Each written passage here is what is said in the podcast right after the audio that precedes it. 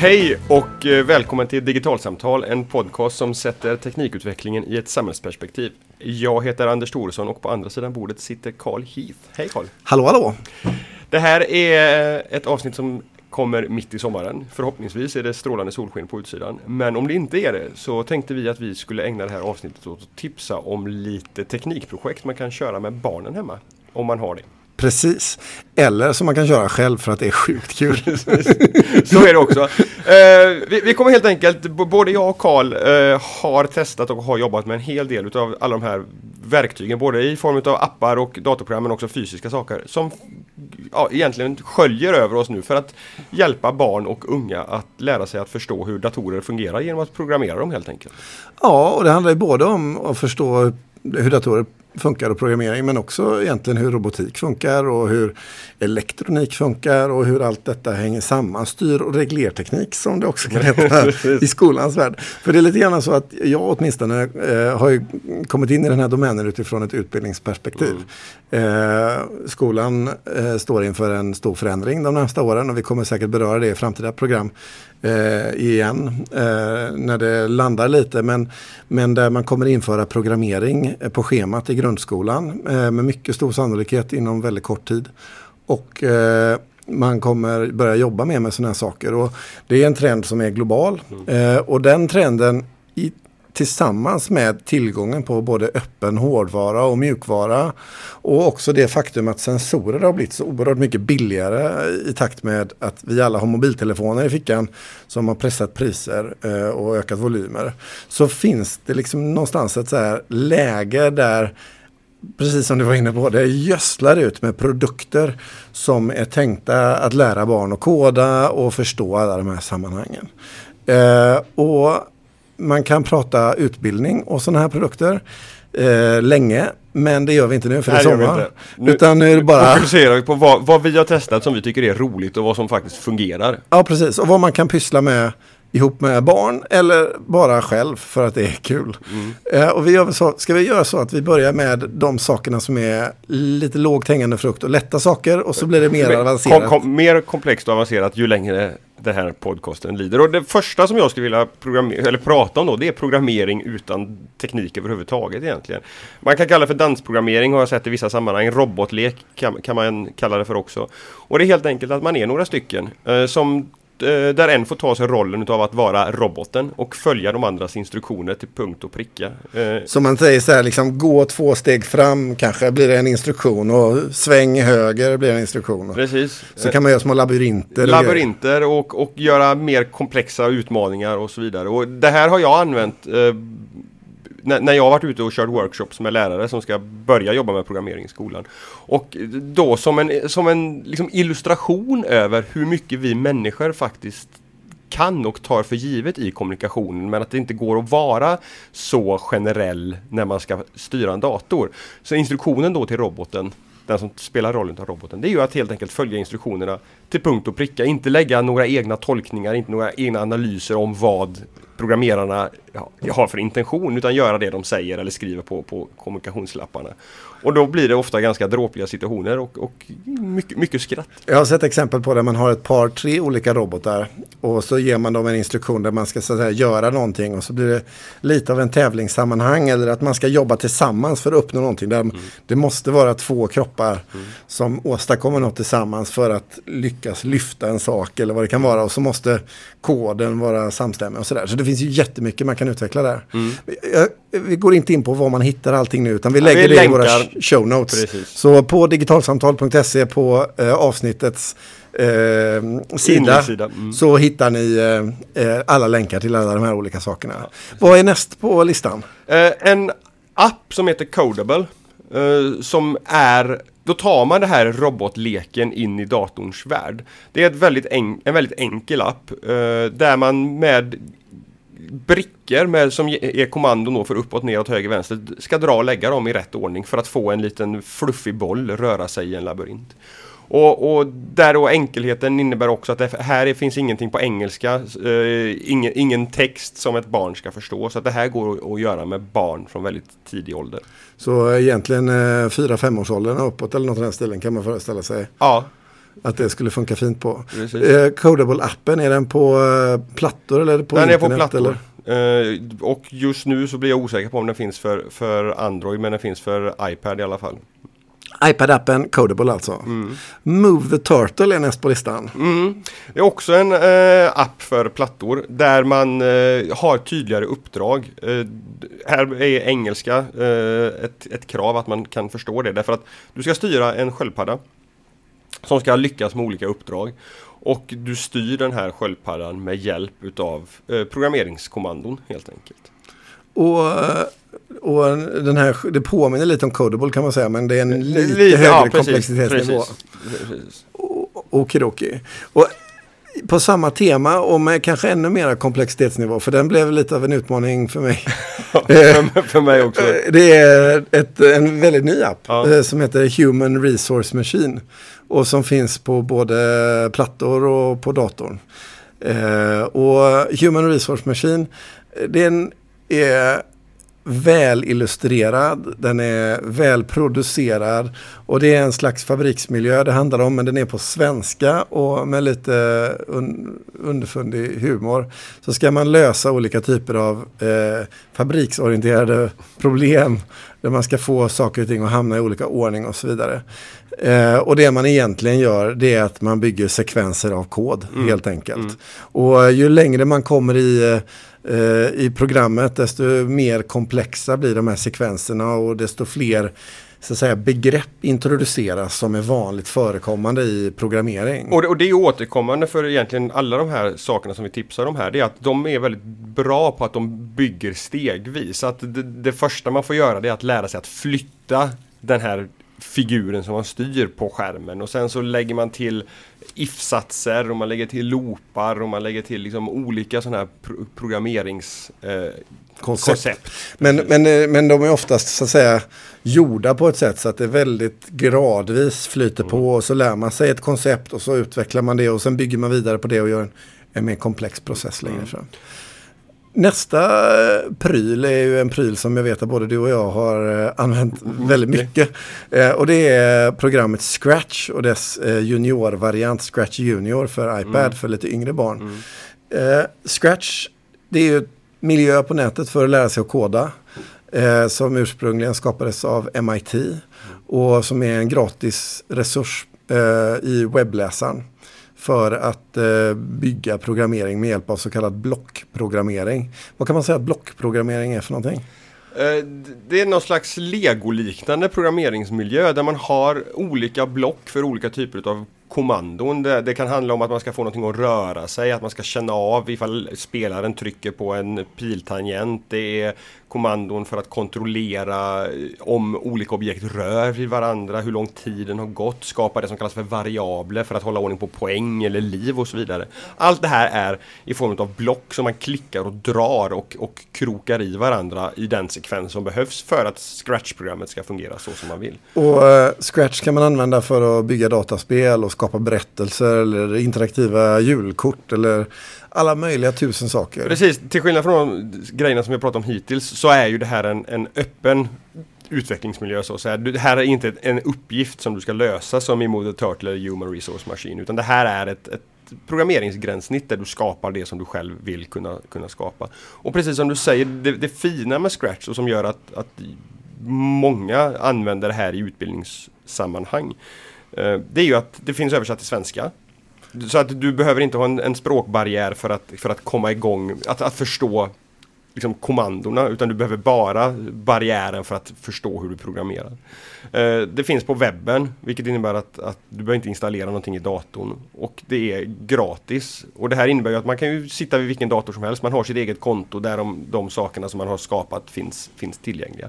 Och allt det här gör ju också att det finns ju en uppsjö av resurser på nätet.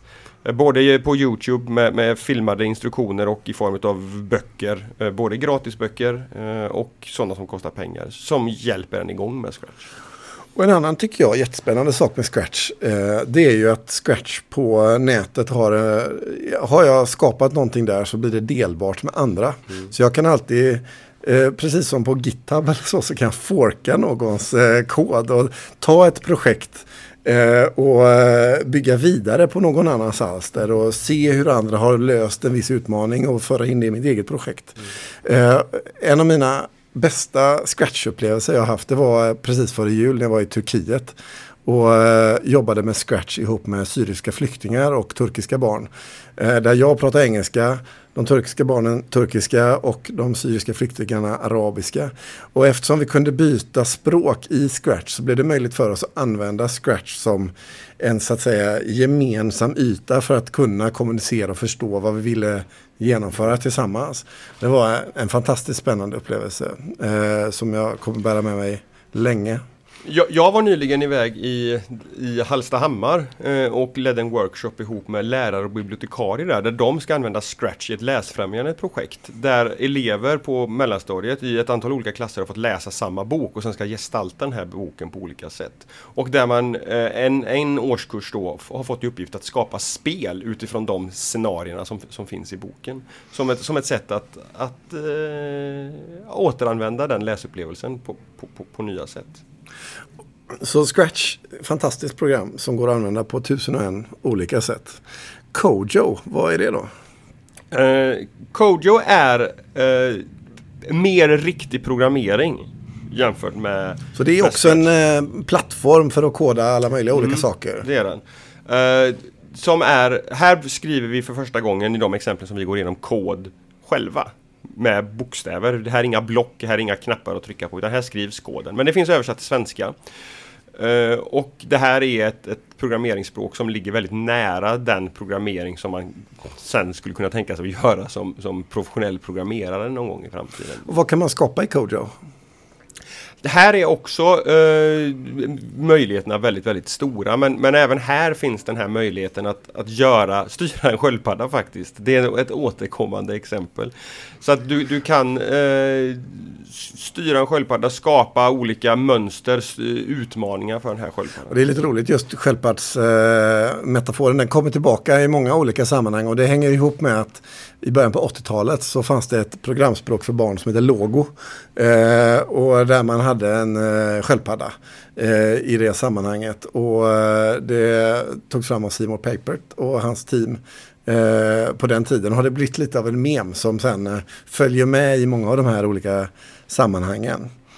Eh, om vi skulle lämna de eh, digitala miljöerna, Scratch och Kojo och titta på eh, gränssnitt som knyter an till den fysiska världen. Mm. Eh, men som också, till en början i varje fall, inbegriper programmering. Så ett ganska lätt sån blandning av det fysiska rummet, nästan som en augmented reality-upplevelse kan vi kalla det för.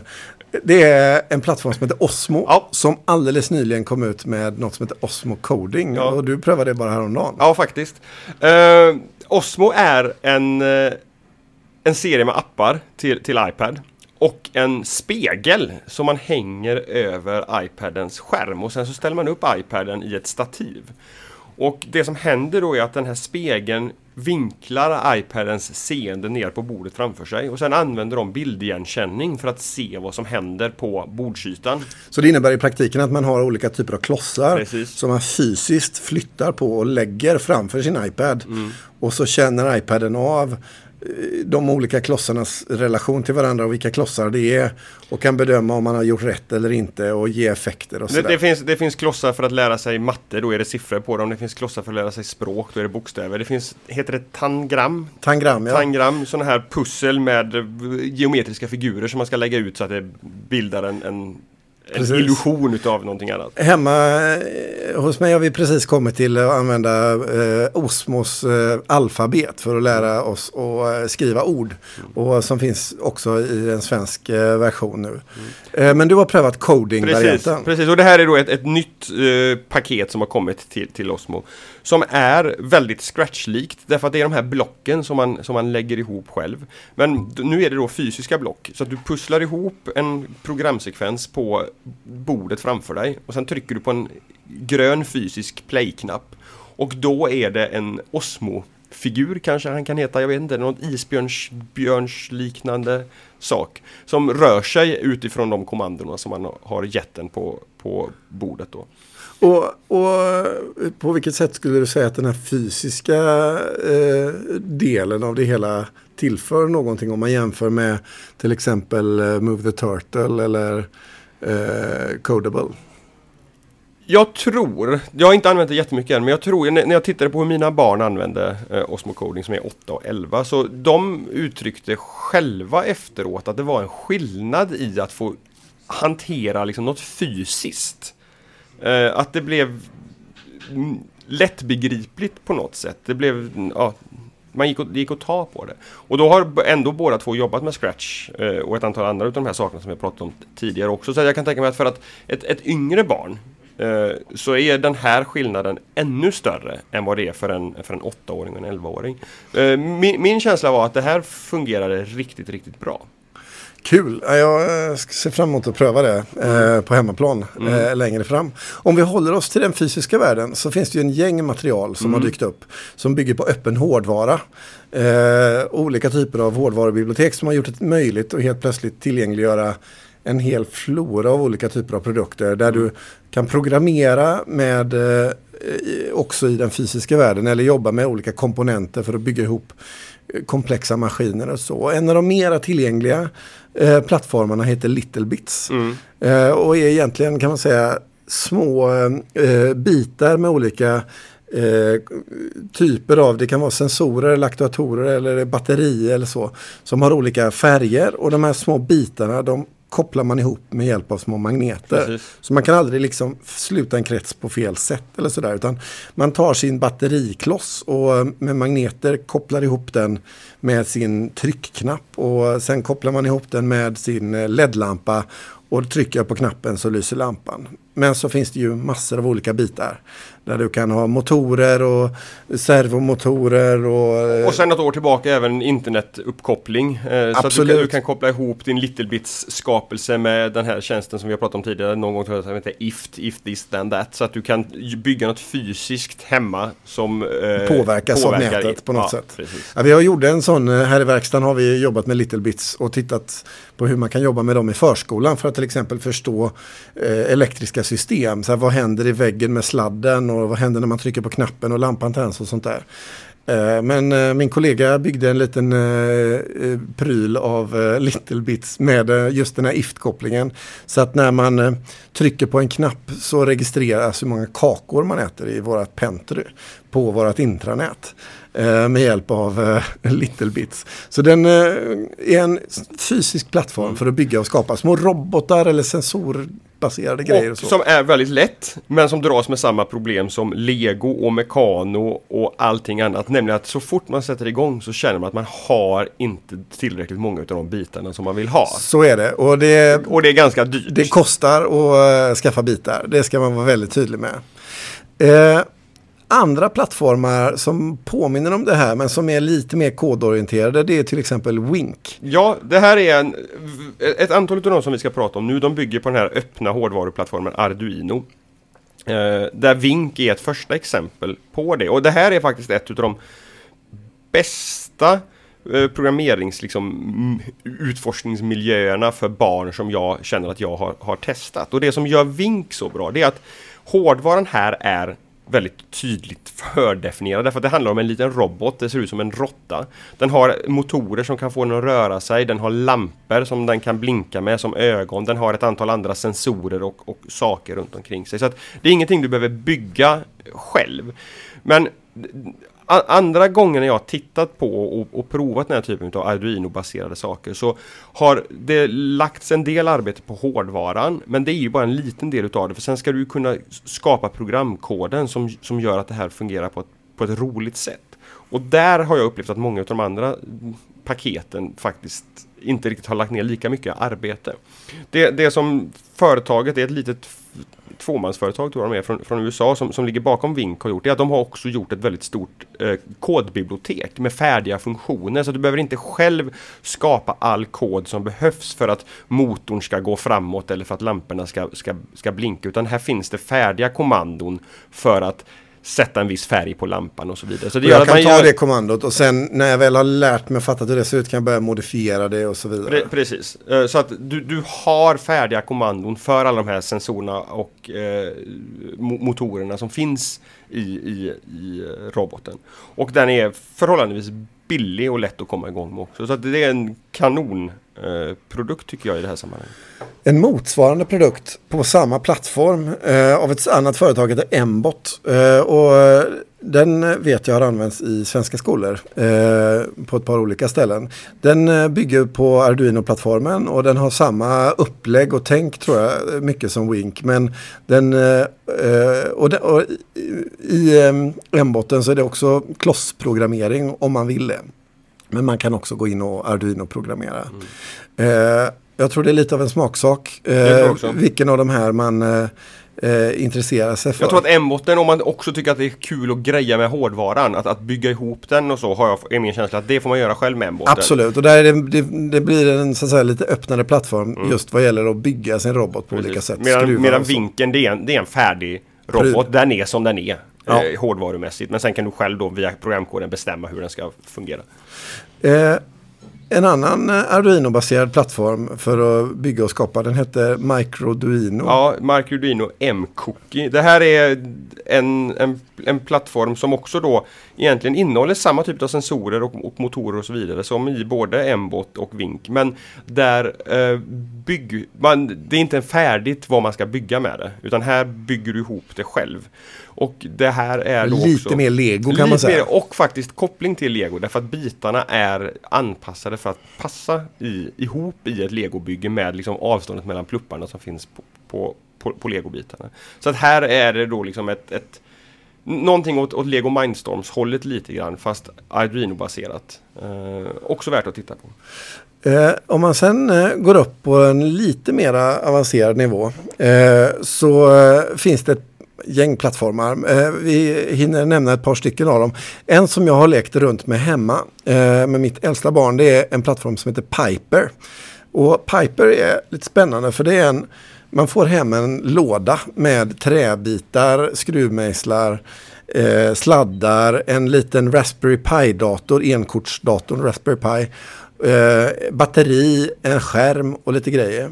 Och sen får du en jättestor blueprint som verkligen är blå med vita streck på med steg för steg instruktion för hur man bygger sin egen laptop. Och då får man så att säga, bygga ihop de här delarna och skruva ihop den, sätta ihop sladdarna. Och när man har kommit så långt att det går att starta den här datorn så eh, gör man det. Och då öppnas ett gränssnitt som är en Minecraft-variation. Och i den Minecraft-variationen så får jag spela eh, i Minecraft för att lösa pussel och uppgifter för att i sin tur bygga färdigt den fysiska datorn. Så för att få fortsätta instruktioner helt ja, enkelt? Okay. så jag blir uppmanad att eh, ta den blåa sladden och koppla in den till den här grejen för att få tryckknappen att funka som öppnar dörren i Minecraft till något annat och så vidare. Och just den här kopplingen mellan Minecraft, att bygga sin egen laptop i en trälåda är någonting som blir liksom väldigt påtagligt och nära och har varit en, en ganska kul upplevelse. Nu var min son lite för ung tror jag för att verkligen ha behållning av det när vi började. Hade vi börjat nu ett år senare så hade det nog... Eh, Hur gammal är han? Nu är han eh, sju och ett halvt ja. snart. Mm. Eh, och det händer ganska mycket där. Eh, men Piper, jättekul plattform. Eh, en annan plattform som man kan beställa nu men som nog inte kommer först efter sommaren för det är sådana köer på den. Det är en pryl som heter BBC Microbit. Och det här är en då och nu eh, pratar jag alltså public service-bolaget. BBC, BBC, i England. Mm. De bestämde sig för att tillsammans med ett konsortium av över 30 olika företag från Samsung och Microsoft och massa andra bygga en liten mikrokontroller. En, eh, en liten eh, komponent med ett chip på med massor av sensorer som man kan programmera i ett scratch-liknande gränssnitt. Eh, men också programmera med kod och välja vilket. Eh, och den här eh, plattformen den har BBC och det här konsortiet delat ut till alla 11-åringar i hela England. Eh, och eh, har en enorm flora av pedagogiska material och grejer vad man kan skapa för någonting. Jag träffade en av kodarna eh, på Microsoft som eh, visade den här på Maker Fair i San Francisco här om veckan. Och måste säga att jag blev imponerad av vad den här lilla prylen klarar av att göra. Den kostar en dryg hundralapp. Men är oerhört kraftfull till att göra allt ifrån att bygga små spelgrejer till att göra naturvetenskapliga experiment och så vidare. Okay. Så ja, en, en häftig plattform. Får man säga. Ja, har du någonting mer i den här fysiska? Ja, när det kommer till det fysiska. Jag tycker det är roligt med just kopplingen den fysiska världen och eh, mikrokontroller. Och vi har pratat om Arduino som en sån plattform eh, som gör det möjligt att koppla ihop den fysiska och digitala världen. Och en variant av Arduino eh, som eh, kom för ett par år sedan och som finns i nya modeller nu. Det är en pryl som heter Touchboard av ett företag som heter Bear Conductive. Ett eh, Londonföretag som har byggt en eh, liten mikrokontroller som är en Arduino med olika typer av eh, ytor som man kan koppla sladdar till för att göra knappar. Eh, så man kan interagera med den med olika, på olika knappar. Men på den så finns det också en liten MP3-spelare och ett SD-kort.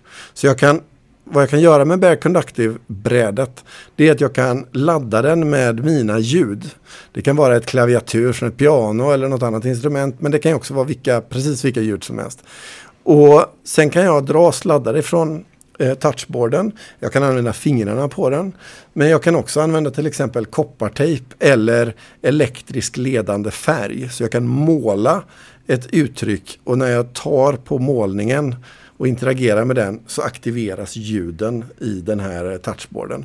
Och den har kommit att bli ett jättespännande verktyg för eh, musiker som vill uttrycka sig på nya sätt och konstnärer som vill eh, interagera. Den är lätt att starta och komma igång med men det går att göra tusen och en saker eftersom det faktiskt är en, en Arduino-baserad plattform. Eh, jag rekommenderar varmt att gå ut på Youtube och titta på vad folk gör med touchboarden. För de bygger musikinstrument och målar och gör saker som är alldeles fantastiska med den. Så det är en jättekul, eh, jättekul mm. plattform. Det var de sakerna som vi hade tänkt att tipsa om här. Om ni inte riktigt hittar någonting här som, som passar er så har vi två tips till. Dels finns det någonting som kallas för barnhack och coder dojos eh, som arrangeras runt om i landet som är en slags eh, programmeringsworkshops för barn och ungdomar. Absolut och många av våra science centers runt om i Sverige, eh, Tom Tits eh, Universium i Göteborg, eh, eh, Navet i Borås, eh, många av dem Eh, kör ibland regelbundet och ibland som pop-up-verksamheter den här typen av eh, verksamhet. Jag vet att Tekniska museet har en eh, minibuss som åker runt i Sverige eh, under sommaren och har man tur så snubblar man på den och kan lära sig att skapa och programmera och så vidare. Eh, så det finns många sådana här platser och det är Google som gäller skulle jag säga för att hitta det som är närmast mm. en själv. Och är det så att man inte hittar några av dem så finns det en webbmiljö som jag inte nog kan rekommendera som heter Instructables och länken ligger i våra show notes på digitalsamtal.se där det finns projektsidor från det absolut lilla och enkla projektet till att bygga jättekomplexa system. Mm. Så eh, ta en titt där och låt er inspireras och bygg något snyggt. Skulle det vara så att ni eh, bygger och testar och skapar med något av det vi har tipsat om här så är vi supernyfikna på att se Verkligen. alster och så vidare. Så eh, tweeta oss på ett digitalsamtal om det skulle vara så att ni eh, får tummen ur och göra något riktigt roligt i sommar. För vi är gött sugna på att se vad som händer. Och med det så är våra tips och för sommarens regniga dagar och därmed även det här avsnittet av podcasten slut. Eh, ni får jättegärna höra av er till oss med kommentarer, tankar och funderingar. Vi finns i Facebookgruppen Digital samhällskunskap eller via mail på podcast.digitalsamtal.se och precis som Karl sa så finns vi även på Twitter där vi heter digitalsamtal. Och så ett litet önskemål. Om ni prenumererar på oss på iTunes eller någon annan plattform så lämna jättegärna ett betyg och en recension så att alla de här algoritmerna som väljer ut vad andra podcastlyssnare får se för rekommendationer hittar till podcasten Digitalsamtal. Tack och hej! Hallå!